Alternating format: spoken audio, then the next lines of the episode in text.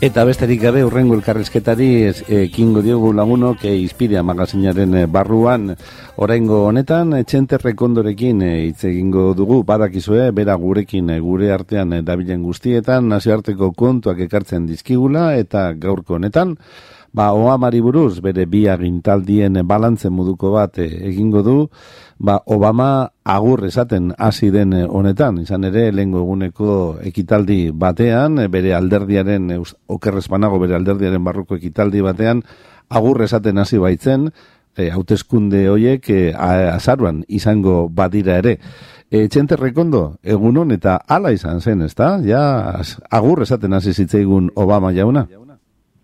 Bai, hori da. E, bertako zirko mediatiko eta zirko, hauteskun zirkoare begira, ba bere papera ja amaitutzat eman du bertako lendakaritzan, eta argi dago ja, errelebo pasatzeko pres, bere gustokoa ez dakit izango den ala ez, ba, Hillary Clinton betzelako emakume bati ez, e, prinsipioz bere apostu hori da, azken e, itzaldietan hola azpimarratzen du, bera bat egin dula baita ere Clintonekin, hau da, aparatuarekin, eta ikusiko dugu, ikusiko dugu, ba, bueno, e, zenolako agur luze honetan, zenolako itzaldiak edo zenolako esaldi potolok entzungo ditugun urrengo, bai. urrengo jabetetan. E, Hillary Clinton epatu duzu eta aparatuak e, aukeratutako emakumea, argi gelditu zen behintzat e, bromak tarteko, Benny Sanders, e, sozialista ez duela oso gustokoa, bere bere adina ipatu baitzuen, ez da, alako, iaia iraintzat arzezaken modu batean, irorogeita mala urteko gaztea, zela, esan baitzuen.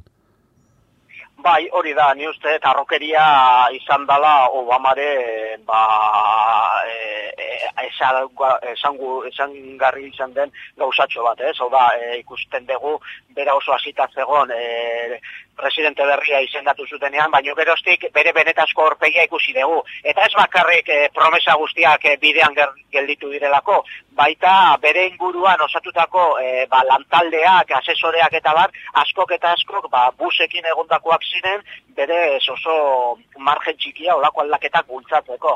Eta Obama olako irainak ba, Sandersei begira botatzea, ba, ondo dago, hola mediatikoki oso politako matxotartean izango zan, baino badago txamponaren besta aurpegi bada, ez? Eta berak aukeratutako hautagaia e, Hillary Clinton, ba, bueno, e, gezurtari, gezurtari haundienetariko bat omen dela, hango prentzaren e, arabera. Eta anekdota asko kontatzen dute Hillary Clinton eta ba, da, haien gezurrak azpimarratzeko, eta bitariko bada, ba, berak behin eta berriro aipatzen du, ba, bere aitak erabaki zuen, bere izena Hillary izango zala, ba, e bere igo zan lehenengo mendizalearen oroimenez, ez, gertatzen dena da, bera jaio zan bi urte lehenago, berez, olako anekdotekin argi eta garbi ikusten dela demokrata alderriaren barnean, ba, gezurtari asko daudela, eta ez hori bakarri, baita ere, politika mota, ba, republikanoaren antza dauka.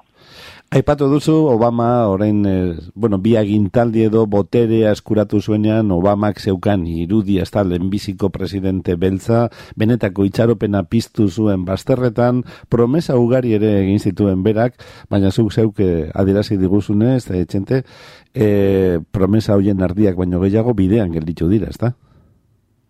Bai, eta alda okagu ez, mai gainean, berak esaten zuen ekialde urbilen inguruan ere, e, e, e, aro berri batean aurrean kokatuko ginatekela, gero etorri zan, etorri zana, baina hori ikusita, ba, argi dago ez. Ez dago asmatzeko horrik, ba, e, aukera asko, e, gero baita ere, esan zuen, ba, Europa mailan bultzatuko zuen politika izango zan, ba, guda hotzarekin e, apurtzeko moduko e, aro berria ere, eta ikusten dugu Errusiarekin arre harremanak zenolakoak izaten ari direla. Eta ez hori bakarrik, e, nazio arte mailan bagian kubarekin harremanak berreskuratu, edo iranerekin ba, lortutako e, akordio nuklearra inguruko ba, e, urratzak, ba, bai, hori gauzako nahi izango dira, baina gero bere osotasunean, ba, argi dago, ez, Afganistanen gauzak ez dira zuzendu, ez ka ere, e, zer esanik ez, Siriataz, ez, e, hori da, asko esaten dute, ba, e, Obamaren guda, eta e, baita den izango nuke, barnei begira, hau da, e, etxei begira,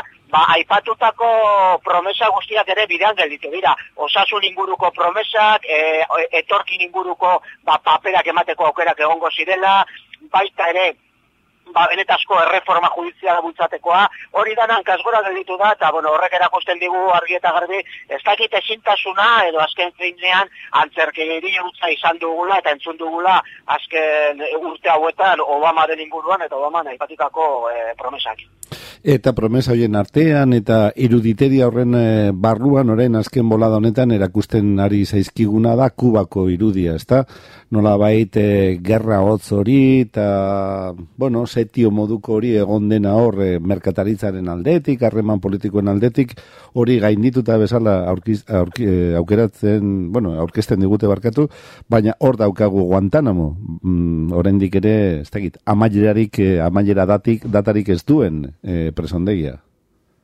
Ez, ez da ez ja bakarrik presondegia ikusita ba, era errepresibo batetik, ez? Baita ere, e, Guantanamo bera kuban kokatzen dela eta momentu honetan lapurtuta dago e, estatu batuetako gunea da, naiz eta kuban egon eta indarkeriz lortu zuen olako, olako lapurketa bermatzea, ez? Berez, ez da ja bakarrik e, ikuspegi, edo gisa ikuspegi batetik olako presondegia hitzi egin behar dela, baita ere, nik esango nuke, ba, kubari begira, bere lurraldetasunari begira, hori kubara voltatu behartzan, ez? Baina, bueno, hori ez da. Eta ezin dugu astu baitaren, nik esango nuke, zenolako konplizidade topatu izan dugun, ba, nazioarte mailan dagoen komunitate honetan, ez? Ezin dugu astu, nola, ba, Obama e, lendakaritzara llegatu eta handik urte, e, e, batzuetara lortu zo, e, e, zera, e, bakeno beltzaria, ez? Eta, bueno, ikusita ze politika mota aplikatu duen, ba, zenolako sarkasmo baten aurrean berriro ere kokatu izan garela.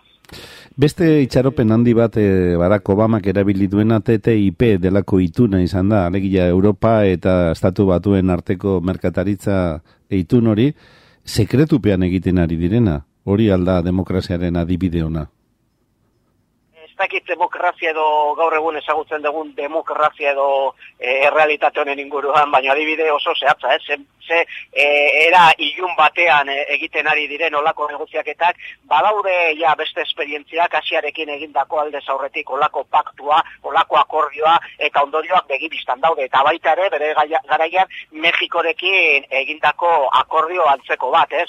E, bere garaian adibidez, Mexiko e, harto mailan, ba, produkzio mailan oso oso e, ondo kokatuta zegoen, gaur egun e, importatzaile bihurtu da Mexiko hartotaz, eta denolakigu zenolako hartoa hartzen dute estatu batetik, hau da guztiz e, transgenikoa, ez?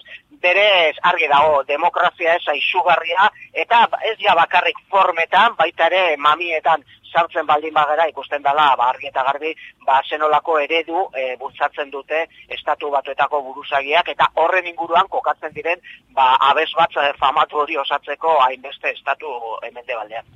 Txente, amaitzeko daukaguna, daukatena, hobeki esan da, Amerikarrek daukatena, Obama, bide nabar eta rebotean guk ere badaukaguna, haren politika jasan egiten dugulako, ez da?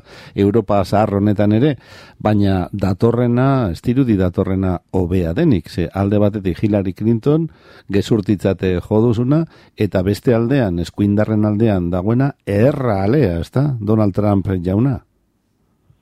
Bai, e, hori da, ez, e, ez dakit e, okerragoa izango denik, egia da, ba, gauzak ez dira aldatuko, bertako establishment politikoa oso ondo lotuta dago, agian establishment begira estatu batuetan Trump bezalako esperientzia oso arriskutsua da, baina zain beste e, aldaketak oso sakonak izango direnek baizik eta ba, bueno, ikusten dutela nola pertsonai berri bat gaitasuna dauka apurtzeko ba, oain arte mantendu duten akordio demokrata eta republikanon artean, ez?